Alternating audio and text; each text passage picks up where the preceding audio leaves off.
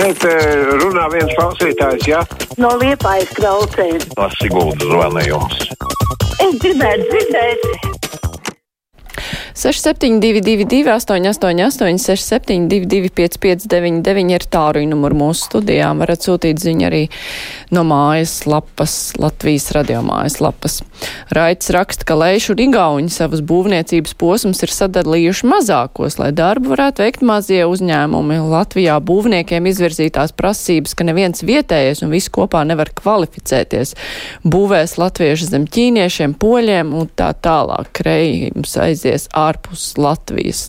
Tā mums raksta klausītājs Raitis. Bet es celšu klausuli. Brīvais mikrofons. Labdien! Labdien!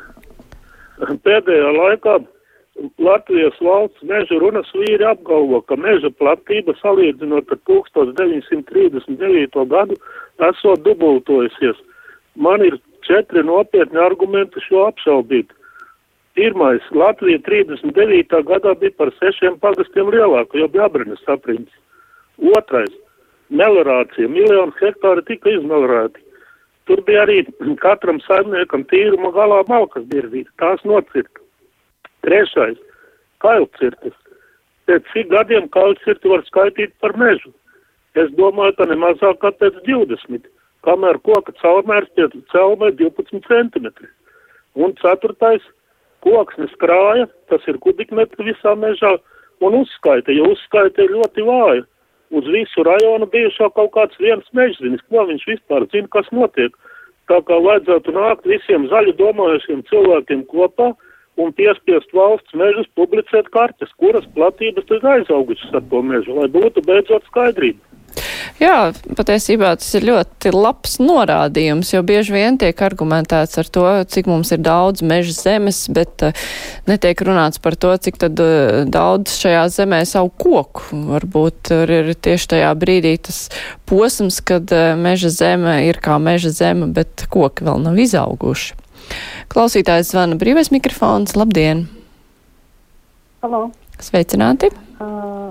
Es nu pat noklausījos rādījumu par Eju Baltiku. Nu, ideāli uh, saplānots viss uh, un uh, lielas cerības, strateģisks objekts, finansējums arī būs, bet vai uh, žoks nav strateģisks objekts un kāpēc par to pēdējā laikā vispār ir aizmirsuši? Uh, es nezinu, gan iekšlietu, gan nu, aizsardzības ministrija Es tā saprotu, ka tas nav šī brīdī tas aktuālākais variants. Kaut gan Baltkrievijā tur viss iet pa gaisu.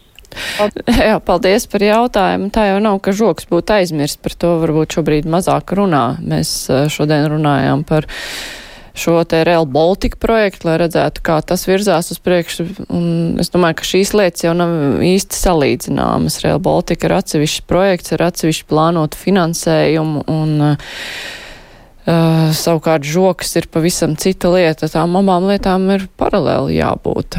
Tā klausītāja Ilva raksta, neskuri ņems strādniekus. Mūsu mājai jau tagad renovāciju veids Āzijas valsts vīrieši, kas neko nesaprot ne latviski, ne krieviski lētais darbspēks.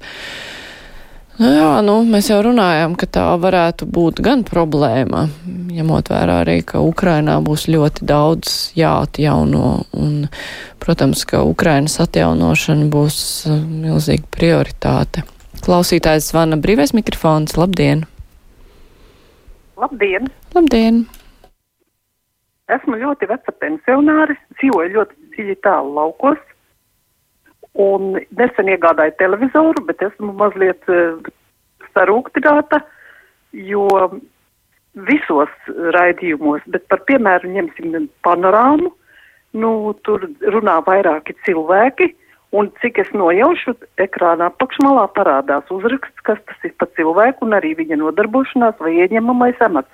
Bet šis uzraksts noraujas tik šausmīgi ātri, zibenīgi, pussekundes laikā, ka vairāk nevar paspēt izlasīt kā vienu vārdu. Nu, žēl. Jā, žēl, cerams, ka kolēģi to dzird un uh, titru uzliek ilgāku laiku. Dažkārt ir tā, ka nevar paspēt izlasīt. Andris raksta Tallina Valga 200 km ar esošo vilcienu, mazāk par 3 stundām ar visu komfortu. Valka Rīga 160 km 3,5 stundas ar veco dīzelīti bez komforta. Vai būtu tomēr labāk ātrāk iepirkt jaunos vilcienus visos pārējos valsts virzienos?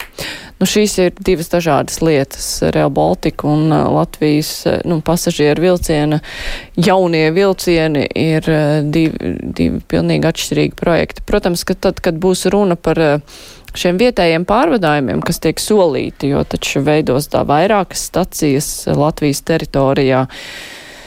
Tad uh, tur jau ir arī vēl atsevišķi jautājums uh, pārvadātājs, kurš veiks šos te vietējos pārvadājumus, kad tas būs, pa cik lielu cenu un tā tālāk. Tā Egons raksta Real Baltica man piedāvā piedalīties konkursā. Cena jāgarantē septiņi gadi. Tas vispār ir iespējams.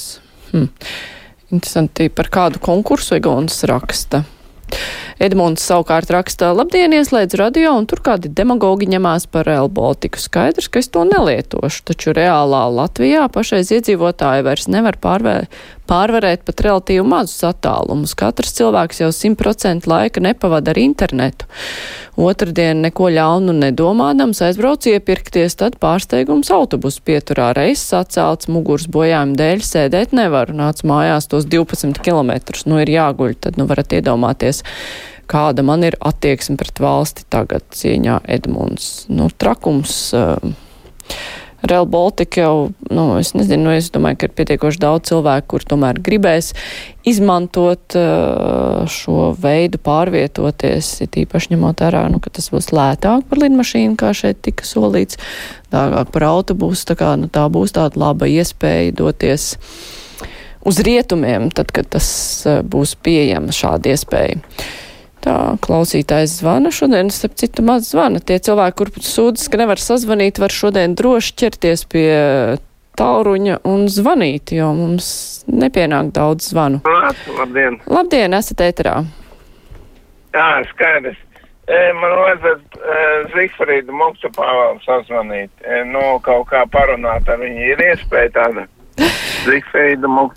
Es sapratu, bet uh, pilnīgi noteikti ne šeit, jo šeit ir brīvais mikrofons un uh, šeit uh, ir iespēja piezvanīt un paust viedokli. Ja jūs gribat paust viedokli, piemēram, par raidījumu kultūras rondā, tad jūs to varējāt darīt.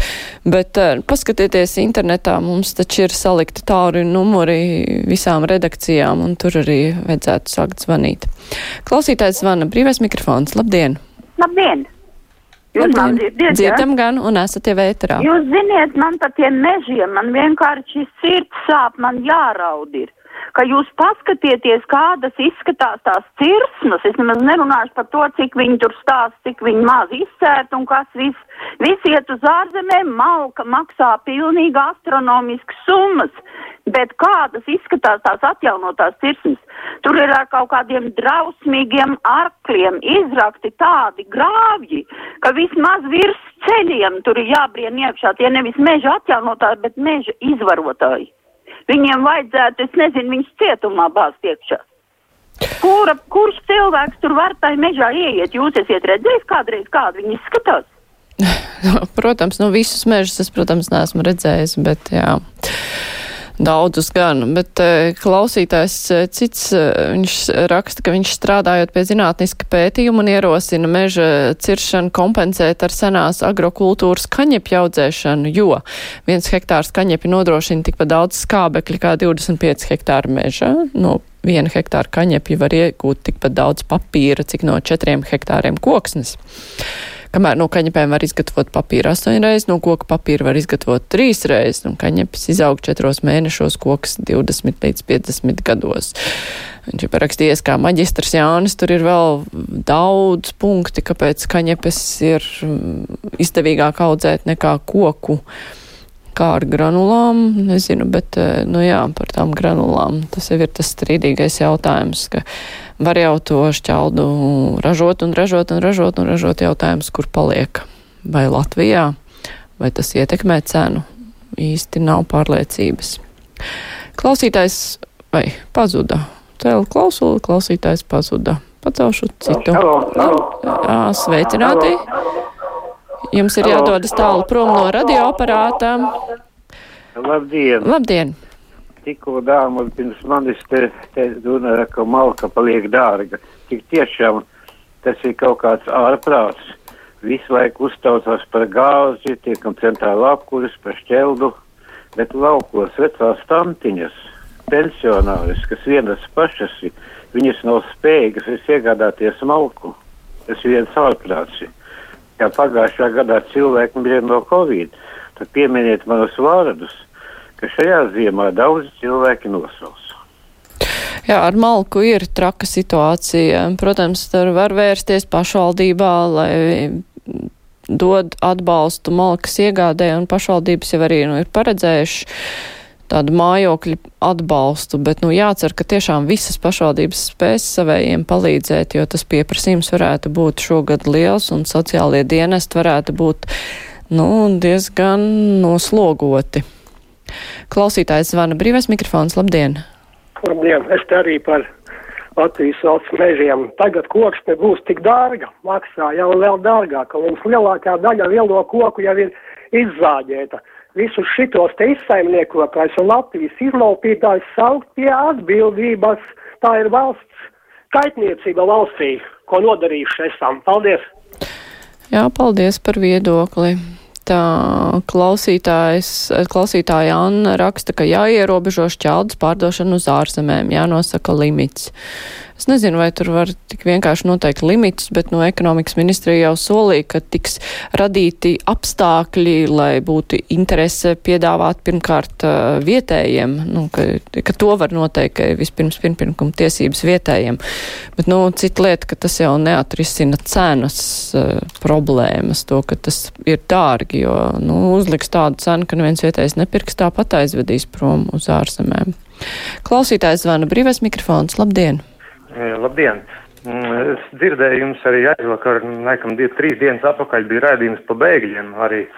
Un es zinu, jums zvanīja daudz cilvēku, sūdzējās par to, ka viņi ir piedāvājuši no labas sirds savus mājas un dzīvokļus, dzīvojamo platību, neko par to neprasot pretīm. Un es arī gribētu piebiedroties nedaudz viņiem un pasūdzēties, ka mums arī bija līdzīga situācija. Mums bija divi brīvi dzīvokļi un privātā māja un mēs aizrakstījām un gribējām palīdzēt cilvēkiem un tā, un arī nesagaidījām absolūti nekādu interesi. Un tagad, kad es dzirdu atkal kārtējo reizi radio, kad uh, varas iestādes sūdzās, kad redziet, mums nav kur izmitināt bēgļus. Un, ko lai dara, kad mums tik daudz uz ielām ir, tad kaut kā paliek dīvaini un ir tik daudz. Jā, man ir diemžēl jāpārtauc, jo raidījuma laiks mums ar to arī beidzas, bet jā, nu, iesaku painteresēties, pameklēt Facebookā. Tur bieži vien ir lūgums pēc dzīvokļiem. Paldies, bet raidījums kruspunktā ar to arī izskan. Raidījumu producēja Filips Lastovskis, savukārt studijā bija Mārija Ansona. Visu labu un mēs tiekamies arī rīt.